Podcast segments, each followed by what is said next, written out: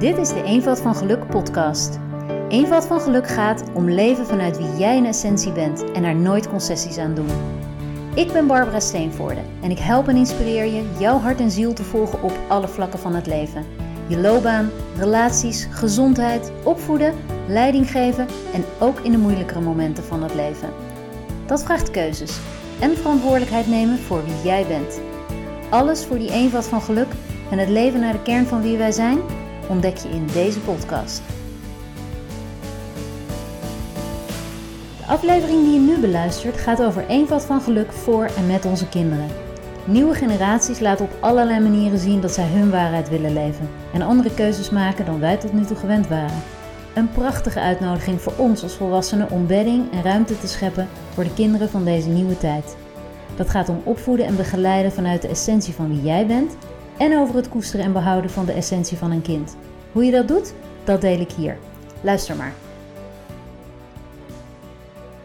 Hi, van harte welkom en leuk dat je weer luistert.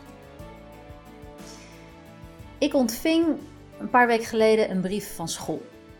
Een brief die was gericht aan alle ouders van deze scholengemeenschap, vrij grote scholengemeenschap. En de boodschap van de brief luidde iets als: Met ingang van vandaag zijn waterpistooltjes op uh, onze school verboden, zowel in de school als op het schoolterrein. En misschien hebben jullie mijn reactie in mijn stories uh, meegekregen. En elk geval thuis kregen ze het meteen mee. Uh, ik krijg hier helemaal wegtrekker van. Als je beseft dat in Amerika gewoon bewaking staat om mensen te fouilleren op gewone wapens, is dit natuurlijk echt ludicrous. Als je, ik, ik vraag me echt af wat een bewaker van een um, openbare school in New York zou denken van deze brief van deze scholengemeenschap in Nederland.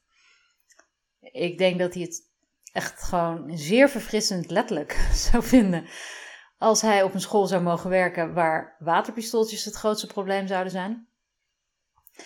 Uh, en terwijl ik dat deelde in mijn stories, uh, ontdekte ik dat er nog veel meer scholen waren in Nederland, elk geval in de regio, waar waterpistooltjes verboden werden. Kijk, en ik ben de flauwste niet. Ik snap natuurlijk heus wel dat als je met een waterpistooltje in een klas schiet, dat er allerlei boeken nat worden en papieren van een docent enzovoort en laptops beschadigd raken, die snap ik heus wel. Maar om dat nou vervolgens ook nog uit te breiden tot het hele schoolterrein, die snap ik niet. De mussen vielen bijna van het dak, het was hartstikke warm. Ja, um, van waar dan meteen een verbod?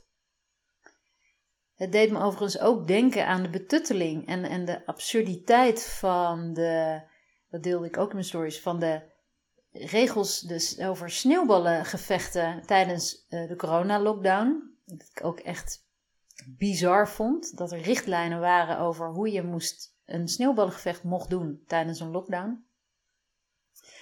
Nou, daar ga ik maar niet al te veel op in.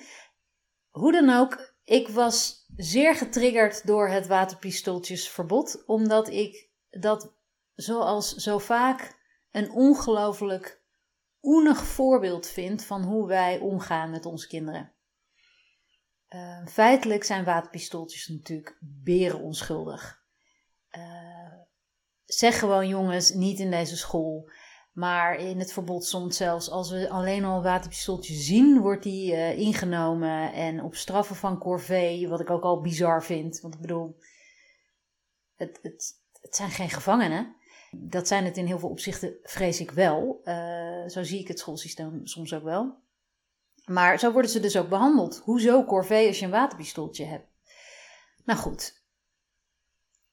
Het is maar een van de vele voorbeelden van hoe er op school, maar zeker ook thuis in een bepaalde vorm, wordt omgegaan met de spontaniteit en de speelsheid en zeker ook met de behoefte van kinderen om te bewegen, om los te zijn, om in spel te leren. En wat ik echt treurig vind, echt diep, diep triest vind, oprecht, is dat we tegenwoordig in scholen niet meer doorhebben hoeveel kinderen schade ondervinden aan het feit dat ze niet meer mogen bewegen, dat ze niet meer speels mogen zijn. Is om twee redenen. Ten eerste leert een kind in spel, via spel, veel beter dan dat het leert uit boeken of uit een verhaal aanhoren van iemand. Maar er komt ook nog bij dat als een kind gespeeld heeft, bewogen heeft, los is gegaan, even lekker eh, gespeeld heeft in de pauze, en dat geldt ook nog steeds voor tieners, dan kan een kind veel beter de leerstof die hij vervolgens na de pauze moet opdoen, veel beter opnemen. Dus het is in talloze onderzoeken bewezen dat spel een leervorm is, maar zeker ook spel en bewegen een noodzakelijk iets is voor een kind om te kunnen leren. Dus wat zijn we dan aan het doen als we dit soort dingen gaan zitten verbieden? Waarom niet als conciërge alle leraren uh, een waterpistooltje geven en zeggen: jongens, nu pakken we die gasten? Had ik echt berengeestig gevonden als ze dat hadden gedaan. Ik snap dat daar geen tijd voor is. Ja, ja, ja, ja. Maar ook hier weer. Ik denk dat die ziel van iedere leerkracht en elke conciërge dat zou willen. Dat die daar heel erg op aangaat en dat je daarna je werk veel beter en veel effectiever doet. Maar hé, hey, oké, dat gebeurde niet. Maar dit soort voorbeelden zie je zijn talrijk in onze thuissituaties en in het schoolsysteem. Stoeien is bijvoorbeeld iets wat voor jongens gewoon een bewezen, essentiële manier is om te leren en om zich te ontwikkelen. Jongens hebben gestoei nodig. En ten eerste hebben heel veel beweging nodig. Hebben alle kinderen, denk ik. Maar jongens zijn daarin ook in het fysieke, hebben daar echt een, een behoefte in. Die snakken naar dat soort fysieke uh, uitdagingen en beweging. Als een, een kind in de pauze voluit mag rennen, bewegen, stoeien, dan zul je zien dat het veel relaxere leerling is en uh, aandachtiger leerling is vervolgens in de klas. En nu is er een probleem aan het ontstaan, of is al lang al ontstaan, dat natuurlijk zeker op basisscholen de meeste leerkrachten vrouw zijn.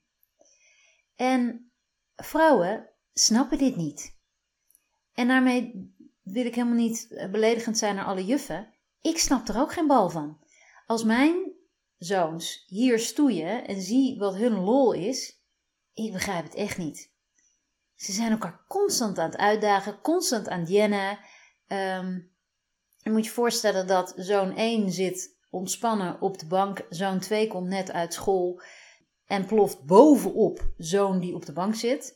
Maar andersom gebeurt het ook dat de een vraagt aan mij hoe laat is de ander thuis. En dan zeg ik nou ja, zo ongeveer zo laat. En wat ik dan vervolgens zie gebeuren, van achter mijn boek of van achter mijn laptop of wat ik dan ook aan het doen ben. Ehm, zie ik dat de een de ander staat op te wachten. Zodra die door de deur komt, gewoon in zijn nek gesprongen wordt. En degene die zojuist overvallen was door deze move, moeiteloos meegaat in een gevecht en al rollend over de vloer en door de kamer door de tuin, rollend naar boven en weer naar beneden. En dan op een gegeven moment met een hoop gegil en een hoop geschreeuw heeft er één iemand zijn hoofd gestoten of is een armknel gekomen en dan staken ze even het vuren en dan tien minuten later gaat het gewoon weer door. Ik snap die lol niet. Maar ik ben ook vrouw. Ik ben geen jongen. Dus ik snap dit niet. Maar ik realiseer me heel goed dat ik het niet snap. En ik besef me heel goed mijn beperking daarin. En val mijn kinderen daar eigenlijk niet meer lastig. Dat is wel wat er op scholen gebeurt. Zeker op basisscholen zie ik gewoon dat hoe goed leerkrachten het ook bedoelen, maar juffen hebben gewoon veel eerder een neiging om in te grijpen in doodnormaal gezond jongensgedrag. Um, terwijl dat juist niet wenselijk is voor die kinderen. Dus er mag dan niet gevochten worden. Ze zijn niet aan het vechten, ze zijn aan het stoeien. Je kan wel zeggen: stoeien is oké, Maar zodra er iemand pijn heeft of verdrietig is, wil ik dat het acuut stopt en dat je voor elkaar zorgt. Dat is wat anders. Maar ga het niet aan banden leggen. Op dezezelfde scholengemeenschap gebeurde dat dus laatst ook. Groep jongens die aan het stoeien was. En vervolgens kwam er ook weer een verbod op vechten in de school. Waarop mijn zoon zegt: Ja, maar beste conciërge, ik was niet aan het vechten, we waren aan het stoeien, dit was voor de lol. Kan me niet schelen, vechten is verboden. En denk ik: Ja, maar dan luister je dus ook niet. Dan heb je dus, dan werk je in een school, ga je dingen verbieden, wat ik denk al niet werkt. Maar het is geen vechten. En dit is een kind wat aan jou uitlegt wat hier gebeurt. Iedereen was oké. Iedereen die betrokken was bij dat gestoei was er oké mee. Iedereen had lol. Er is niets aan de hand. Het gebeurde ook nog eens in een ruimte waar niks kapot kon. Dus wat is het probleem dan? Waarom moet dat dan weer aan banden gelegd worden? En natuurlijk heb ik er ook last van. Ik had het laatste moment in de tuin dat mijn zoons vol aan het stoeien waren. En mijn hemel, uh, het is een wonder dat de tuin nog heel is. Mijn moeder was op dat moment bij me en die zei: Hoe hou je dit vol? Wat een drukte. Dus nou, soms is het inderdaad wel wat veel. Maar weet je, ik besef me gewoon heel erg dat als ik dat aan banden ga leggen, dat mijn kinderen dan op andere vlakken bloedirritant gaan zitten doen. Ehm, niet als wraak, maar gewoon omdat alle energie er gewoon uit moet. Ze hebben dit nodig. En ze hebben elkaar gelukkig ook om dat te kunnen uitvechten. Mijn broer probeerde het ook bij mij. Die deed precies hetzelfde. Alleen ik zag het als pesten en ik zag het als heel naar gedrag. Ja, ik was een meisje, ik snap dat niet. Ik snap het nog niet. Het enige wat ik wel snap is dat zij dit nodig hebben. En Ehm, nou, ouders vragen me dan ook wel eens, maar hoe doe jij dat dan? Bedoel, jij wilt toch ook niet dat ze door je, door je zitkamer eh, of door je keuken heen gaan al stoeiend? Nou ja, nee, als ik erbij zit, is het me ook wel vaak te veel. Maar mijn uitgangspunt is, als ik rust wil, kan ik me ook terugtrekken. Ik kan ook gewoon even naar boven gaan en lekker daar een stoel pakken en daar even lekker een boekje lezen. En ik merk vanzelf wel wanneer het weer rustig is beneden. En ik vind het zo interessant dat veel ouders dan zeggen: ja, maar dan word ik weggejaagd uit mijn eigen kamer. denk ik, nou, dat zie ik niet helemaal zo. We leven hier met z'n allen. Er zijn twee mensen hier die dit gewoon echt nodig hebben om zich goed te voelen, om het leuk met elkaar te hebben, om straks weer te kunnen leren als ze aan hun huiswerk gaan. Dus hoezo als ik rust wil, bepaal ik dan dat ze braaf moeten blijven zitten. Want wat krijg je dan? Dan krijg je kinderen die zich stierlijk vervelen. En dan krijgen we weer gameverslavingen en, en geklaag en gemopper op elkaar. Want dat is het gevolg wat je krijgt. Dan krijg je twee kinderen die elkaar de hele tijd in de weg zitten, niet aan elkaar mogen zitten, maar alleen op nare manieren met elkaar praten. Dat is iets wat ik echt niet wil. Dus er is toch niks mis mee als er twee mensen in dit huis zijn die dat nodig hebben, dat ik daar even ruimte voor maak? En ja, daar gaat wel eens iets kapot hier. Nou, dat betekent dan dat ze dat of mogen vervangen of op zijn minst mogen opruimen. Ik ga dat niet opruimen. Als ze iets kapot maken, schrikken ze daar echt wel van. Het is niet zo dat, dat ze dan denken: oh joh, dat is prima, we gaan gewoon door. Nee, natuurlijk niet. Ze schrikken zich kapot, denken: oh sorry, sorry, sorry en lossen het op. Nou, dan is het voor mij oké. Ja, nee, ik heb me niet mijn Chinese Ming-vaas midden in de kamer staan. Nee. Beter niet. Ik hoor ook vaak gezinnen waar dan, oké, het mag niet binnen, maar dan in de tuin. Zijn die kinderen in de tuin? Ja, maar dan niet bij die bloemen. Nee, want dat zijn mijn kwetsbare orchideeën. Of... En dan denk ik, ja, maar waar dan wel? Nou, ga dan maar op het pleintje. Ja, pleintje, dat is hier 500 meter vandaan daar is, je kan niet als jongen plannen dat je op dat pleintje gaat stoeien. Dat slaat nergens op. dan ga je naar een bokswedstrijd. Nee, stoeien ontstaat spontaan. Het ontstaat uit lol, uit een beetje jennen, uit een beetje geinen met elkaar. En dan is het er ineens. Maar natuurlijk, als ik gewoon geconcentreerd zit te werken, vraag ik ook even: jongens, kunnen jullie dit even buiten doen? Maar dan ga ik niet mijn concentratie onderbreken om vervolgens te kijken of mijn hortensia's het nog goed doen. Zij weten dat ik waarde hecht aan een leuke, gezellige tuin. Dus ze doen hun best. En als het echt te bond wordt, zeg ik wel eens wat. Maar over het algemeen hoef ik niet in te grijpen. Dus hier zie je. En dit, dit is misschien wel voornamelijk een aflevering voor jongens. Want vooral bij jongens is dit het geval. Hier zie je hoe belangrijk het is om in het, voor het welzijn van kinderen, van jongens, het de bedoeling is dat ze mogen bewegen en kunnen spelen. Ik heb ook wel eens in het verleden gezien, toen mijn kinderen klein waren, dat we naar zo'n zondagmiddag barbecue gingen. En dat er dan een gezin was waar de kinderen altijd spierwitte kleren aan hadden. En je raadt het al, die moesten natuurlijk wel schoon blijven. En dan denk ik, wauw, dan heb je een kind van drie en een kind van vijf. En dan ga je ze witte kleren aandoen, terwijl daar veertien kinderen rondrennen. Ja, nou, daar vind ik wat van. Dit zijn wel ook de ouders die tegen mij zeggen: Mijn kind wordt op school als zeer druk ervaren en ik weet niet meer wat ik daaraan moet doen. Nou, ik wel. Het zijn ook de ouders die aan mij vragen: Zou het kunnen zijn dat hij ADHD heeft? Ja, ik werk niet met diagnoses, bewust niet. Ik geloof er niet in. Ik geloof dat we, en als je het eenvoud van geluk met opvoederprogramma volgt, dan weet je precies de ins en outs. Ik geloof oprecht dat als we onze kinderen naar hun eigenheid gaan laten ontwikkelen en laten groeien en laten spelen en laten functioneren, laten leven, dat er een hoop diagnoses minder zouden zijn in deze wereld. We frotten die kinderen in systemen, in opvoeding, in functioneren, wat niet wenselijk is voor die kinderen. Um, kom nog bovenop dat we dan vervolgens door ze helemaal in te, ja, in te dammen.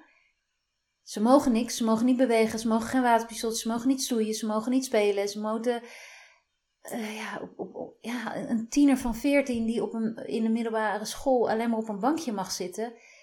En daar word je niet blij van. Wat gebeurt er dan? Er zijn allemaal kinderen die allemaal op een scherm zitten. Omdat, nou, dat ene dingetje wat ze dan hadden bedacht met mooi weer waterpistooltje mag ook al niet. Dus nou, gaan we weer met z'n allen op een scherm zitten. En dan moeten er weer regels komen om, hè, van ouders uit, van joh, er zouden minder uh, scherm, schermen gebruikt moeten worden in de pauzes. Ja, maar wat doe je thuis? Op welke manier probeer je thuis die kind ruimte te geven? Ik ben ook geen voorstander van schermgebruik, want helemaal niet op school in pauzes. Laat elkaar gewoon lekker bezig. Maar goed, we sluiten die kinderen dus op. Eh, we frotten ze in systemen, we frotten ze in gedrag, in, in rustig doen, in, in nee dat mag niet, dit mag niet, dit verbod, dat verbod, regels over sneeuwballen gooien. En vervolgens gaan we die kinderen rust, die, die kinderen zitten zich helemaal op te vreten, hè? Die, die, die, die, er bouwt van alles op. En vervolgens gaan we die kinderen dus rustig houden met, met pillen. We gaan ze drogeren, zodat die kinderen alsnog dat, dat systeem wat, wat van binnenuit gewoon aan het ontploffen is, gaan we rustig houden met medicijnen. Ja, ik denk dat dat dus de wereld op zijn kop is. Er zijn overigens ook nog medicijnen die synthetisch zijn, dus waar het lichaam niet, het niet kan opnemen. Dus eigenlijk wat je doet, is het lichaam nog voller stoppen en nog meer belasten. Dus er gaat aan de binnenkant nog meer opkroppen. Een andere methode is om je kinderen rustig te houden, is om ze meteen achter een gameconsole te zetten. Er zijn heel veel ouders met kinderen met ADHD bijvoorbeeld, die de diagnose hebben gekregen van niemand anders, dat ze ADHD hebben en die dan zeggen, nou gelukkig hebben we wel een oplossing gevonden. Als hij echt te druk wordt, dan zetten we hem achter een game. Oké, wat je met een game doet, is er nog meer in stoppen. Want een kind krijgt nog meer indrukken, nog meer spanning, nog meer, ehm, nog meer beelden constant op het netvlies. En ik zeg niet dat alle games verkeerd zijn, maar ik ben wel tegen misbruik van gamen. En ik zie dat zowel kinderen als ouders, maar ik richt me nu even tot ouders, dat gaming misbruikt wordt. In dit geval om een kind rustig te houden. Ja, ik snap wel dat jouw enorm drukke kind, wat de hele dag op school heeft gezeten en thuis echt toe is aan bewegen en ontploffen, dat dat niet zo goed uitkomt. En ik snap wel dat als jij je kind dan vervolgens achter een game zet waarin het brein nog denkt: Oh, ik ben druk bezig, want ik ben oorlogje aan het voeren, of ik ben aan het racen, of weet ik veel wat, dat een kind daar rustig van wordt.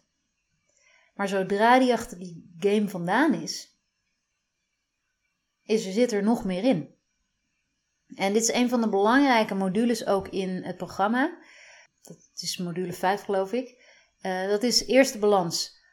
Uh, en daarin leg ik in die module uit, alles wat erin gaat, moet er ook weer uit. Dus een kind vindt het heerlijk om kennis op te doen op school, om, om met vriendjes te spelen, om indrukken op te doen, om, om, om beelden op te doen en door films te kijken of door te gamen, door uh, wil graag getriggerd worden, uh, kan prima omgaan met een boze leerkracht of met een bepaalde opvoeding of krijgt gezond eten en minder goed eten. Dus er gaat gedurende zo'n dag van alles in dat kind. Dat is ook de bedoeling en een kind kan daar prima mee omgaan. Mits een kind voldoende ruimte krijgt in het leven om dat wat er ingegaan is, er ook weer uit te laten gaan. En hoe doet een kind dat? Dat doet een kind door spelen, door creativiteit, door zich te uiten. Hè? Dat het emoties mag uiten, dat als het gefrustreerd is of boos is of verdrietig is, overwhelmed is, dat het dat mag uiten. Um, door zijn mening te mogen geven, door um, zijn inspiratie te mogen volgen, door uit te proberen, uh, door veel te rennen um, enzovoort. En zie dat dus als een ballonnetje.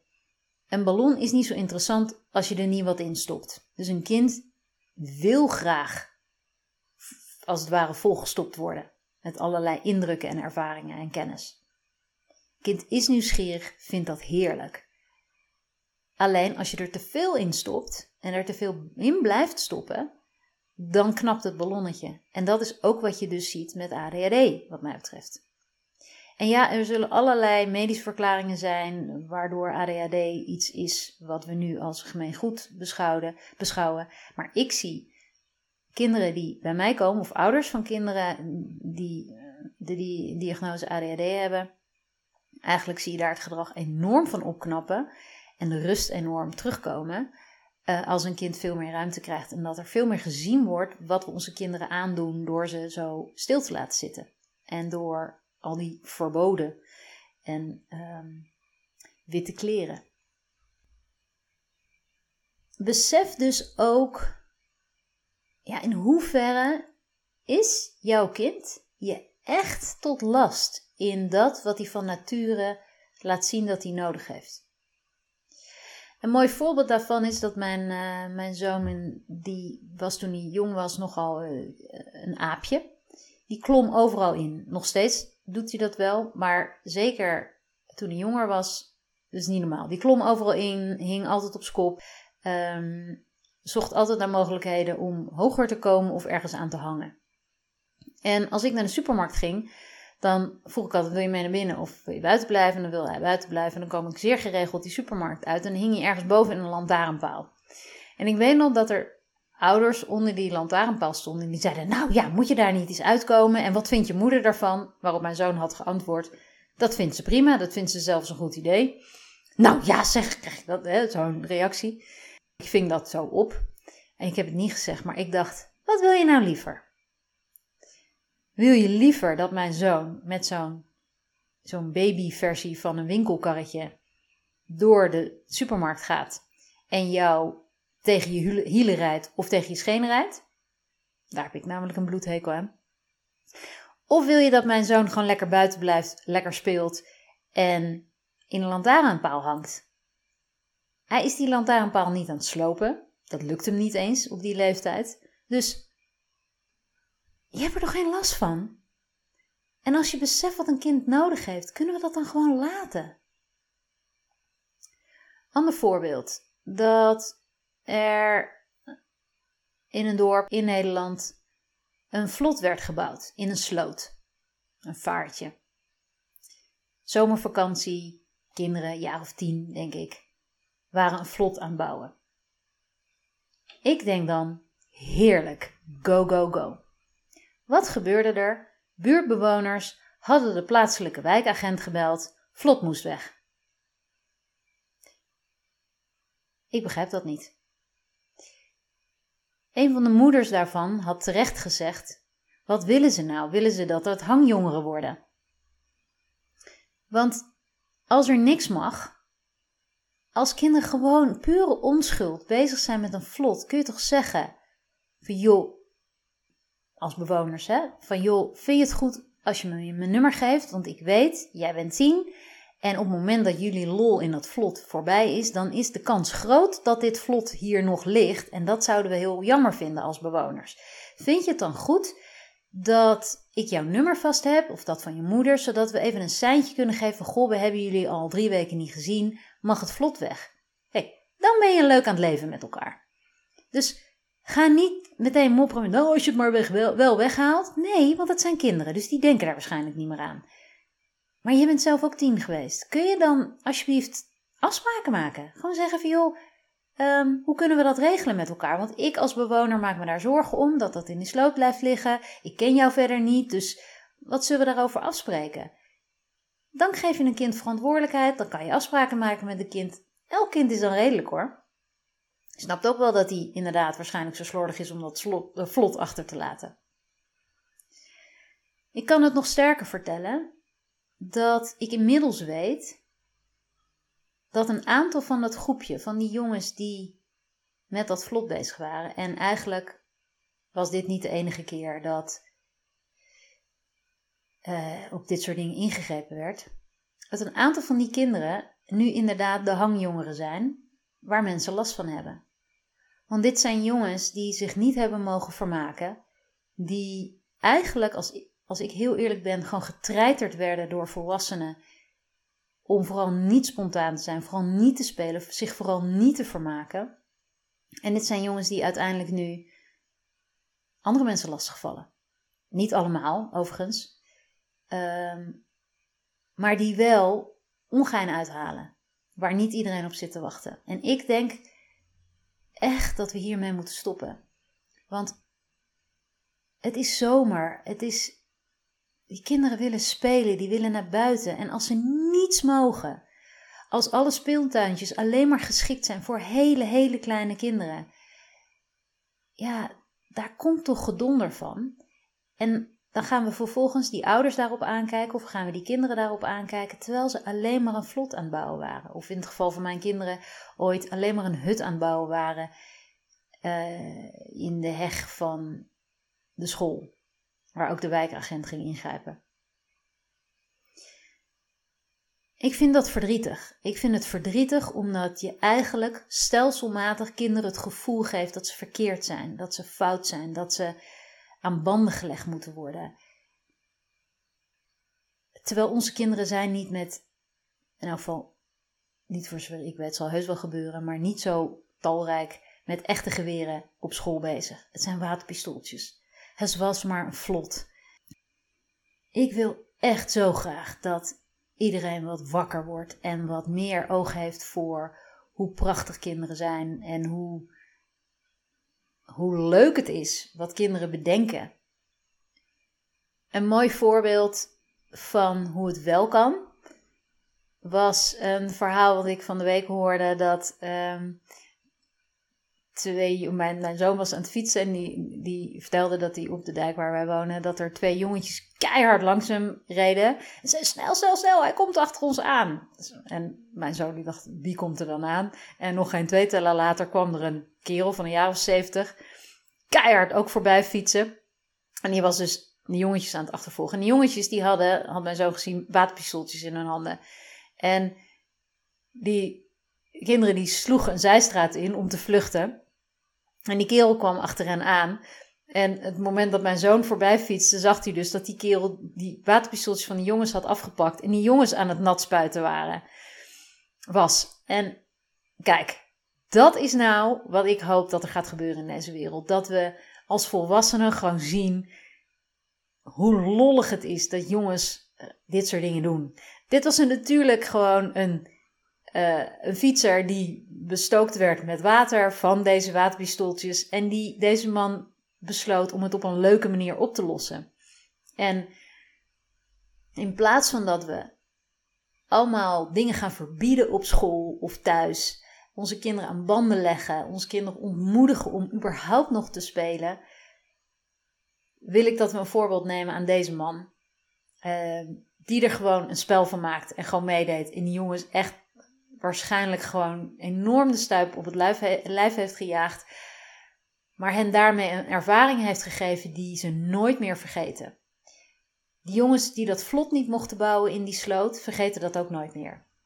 Die zijn ontmoedigd, die zijn teleurgesteld, die zijn verdrietig, omdat ze elke keer opnieuw het signaal krijgen dat het niet oké is wat ze doen. En deze jongens kregen het signaal: speel maar, doe maar, daag me maar uit. De wereld kan je hebben. Ehm, en ja, daar zul je soms de consequenties van moeten ondergaan, maar die zijn soms hartstikke lollig. Ja, bij deze, ik weet niet wie deze man was, maar hulde voor deze kerel die uh, het op deze manier uh, op heeft gelost. En um, ja, ik denk ook daarmee het, een mooi voorbeeld om af te sluiten dat we dit veel meer mogen doen. Ik ben wel heel erg benieuwd naar jullie reacties uh, op deze podcast. Ik weet namelijk dat dit voor heel veel mensen een uitdaging is om er zo naar te kijken. En ik heb er dus ook bewust voor gekozen om ongenuanceerd te laten merken dat ik het echt bespottelijk vind. Wat we aan het doen zijn met z'n allen. Je mag van mij echt horen in hoe ik het vertel dat ik dit echt spuugzat ben. Dat ik het niet eerlijk vind, dat ik het onterecht vind en dat ik het erger nog ronduit schadelijk vind wat we kinderen aandoen hiermee. Ik weet dat ongenuanceerd zijn over het algemeen nog wel eens reacties uitlokt. Kom maar op. Ik wil dolgraag je voorbeelden horen waar jij niet mee om weet te gaan. Of wat jij vindt. Of wat jij niet vindt kunnen. Of misschien waar jij net als ik ook bepaalde ervaringen hebt. Um, dat is ook wat we, Bart en Heling en ik, deden in onze uh, aflevering over uh, het kindperspectief. Ook daar hebben we mensen uitgenodigd. Geef ons alsjeblieft voorbeelden van leerkrachten of mensen die wel vanuit kindperspectief kijken en daarmee iets moois doen voor onze kinderen. Dus of je nou een situatie hebt waar je tegenaan loopt, wat je dan lastig vindt en waar, waarmee je mij wil challengen. Of uh, als je goede voorbeelden hebt van situaties waarin het juist onwijs mooi werd ingevuld, zoals het voorbeeld van deze man met die waterpistooltje, nodig ik je van harte uit. Um, wil ik graag horen, stuur mij een DM in mijn Insta of stuur me een mailtje. Een mailadres kan je vinden via mijn website. En ja, laten we delen. En laten we vooral wat meer ruimte scheppen voor het bewegen en het spelen van onze kinderen. Want daar worden ze alleen maar wijzer, mooier en veel gezelliger van. Ik wens je heel veel plezier met deze ruimte geven en uh, te zien wat deze lol uh, doet ontstaan. Um, ik wens je verder een hele fijne dag. Tot de volgende. Dag. Als je door deze aflevering enthousiast bent geraakt over geluk in opvoeden, schrijf je dan in voor de masterclass Begrijpen wat je kind bedoelt via www.barbarasteenvoorde.com slash masterclass begrijpen. Leuk dat je deze aflevering geluisterd hebt. Ik hoop dat je erdoor geïnspireerd bent geraakt om nog meer te gaan leven naar jouw essentie om vervolgens alles op je pad te krijgen wat daarbij past. Ben je nu toe aan meer geluk en wil je dat ik je meeneem in mijn plannen en inspiratie? Dan kun je me vinden via mijn website barbarasteenvoorde.com en op Instagram, Facebook of LinkedIn. Als je alle Eenvoud van Geluk afleveringen wil blijven volgen, klik je op subscribe of abonneren in je podcast app. En ik waardeer het heel erg als je mijn podcast deelt met anderen of als je een review achterlaat. Dan help je me een beetje de eenvoud van geluk verspreiden. En dat is nou net wat ik zo leuk vind. Maar het allerleukste vind ik om jouw persoonlijke verhaal te horen. Dus laat vooral weten wat deze aflevering jou aan inzicht of beweging bracht. Heb je heel concreet een vraag, een wens of een suggestie? Stuur me dan even een berichtje via mijn website of Instagram. Tot de volgende aflevering. Tot nog meer geluk.